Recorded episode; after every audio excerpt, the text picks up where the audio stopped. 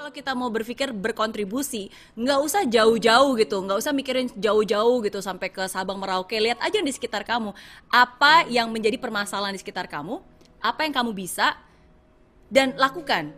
Jadi uh, penting. Jadi again setiap saya bilang setiap dari kita itu punya potensi, setiap dari kita punya hal yang bisa kita kontribusikan melalui caranya kita masing-masing.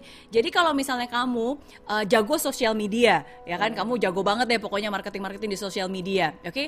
Uh, kamu bisa bantu mungkin uh, kalau kalau tetangga kamu punya uh, UMKM ya kan atau mungkin uh, ibu kamu gitu lagi bisnis catering lagi gara-gara pandemi mungkin kan banyak sekarang nih emak-emak jadi uh, apa namanya uh, jadi entrepreneur ya bikin masakan jualan gitu kamu bisa membantu dengan menggunakan sosial media kamu. Kalau kamu memang jago fotografi gitu ya udah lakukan sesuatu. Kamu bisa mulai aja membantu uh, memfoto-fotokan ya kan dari produk-produk yang UKM atau mungkin kamu mengajarkan ya kan kasih tips-tips baik itu di Instagram baik itu di YouTube.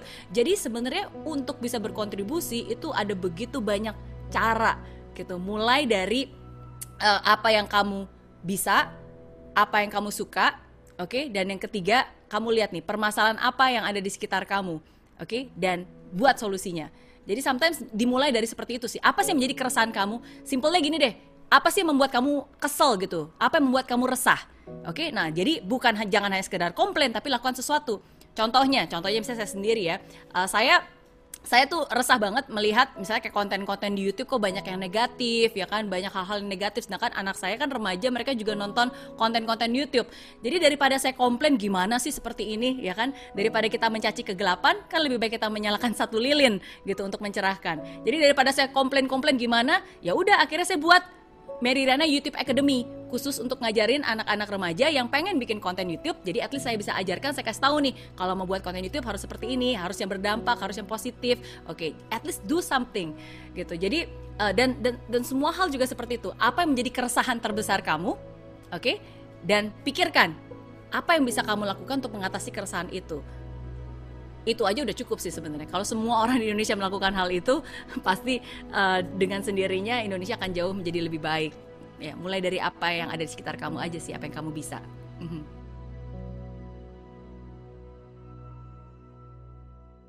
Kalau kamu tahu dengan jelas apa yang menjadi passion kamu dan kamu punya kesempatan untuk bisa um, bekerja sesuai dengan passion kamu, pilihannya tentu saja bekerja sesuai dengan passion, bekerja dengan passion. Ya itu itu sudah pasti, oke? Okay? Karena again seperti saya bilang perjalanan menuju kesuksesan tidak mudah baik itu berbisnis maupun di dunia pekerjaan. Ada saatnya di mana kita hampir mau menyerah, tapi kalau itu passion kita itu bahkan gak dibayar pun kita akan melakukannya dengan sungguh-sungguh, oke? Okay? Nah jadi itu ya kalau kamu bisa bekerja sesuai passion, oke? Okay? Of course pilihannya adalah bekerja dengan passion. Oke, okay? nah tapi yang tadi saya garis bawahi bukan berarti kalau nggak kerja sesuai passion berarti mendingan nggak kerja. Nah ini yang jadi salah, oke? Okay? Kalau kamu masih menjadi beban orang lain, menurut saya nggak uh, jangan pilih-pilih gitu. Dalam arti kalau memang ada kesempatan uh, lakukan saja dulu karena di situ adalah bagian dari pembelajaran. Karena di usia-usia ketika kalian masih duduk di bangku sekolah, bangku kuliah itu hanya sedikit banget orang yang benar-benar tahu dengan sesungguhnya apa passionnya.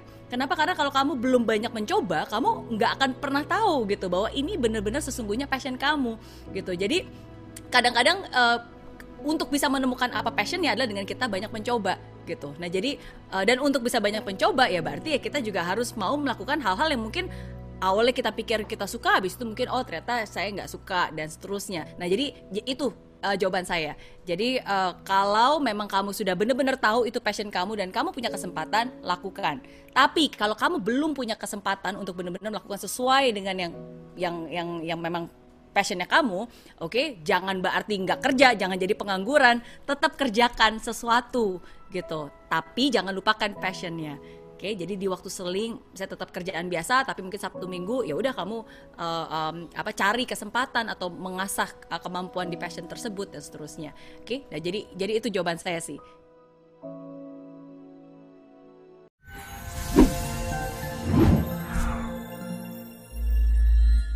Di aplikasi Mary Riana tersedia lengkap video-video YouTube terbaru saya, artikel yang up to date, post inspirasi, koleksi merchandise, workshop dan seminar yang bisa kamu dapatkan free dan download sekarang juga gratis.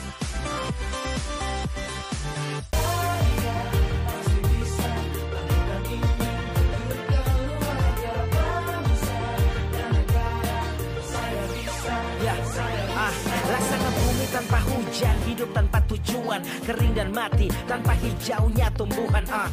Demikian kalau mimpi tak kunjung terjadi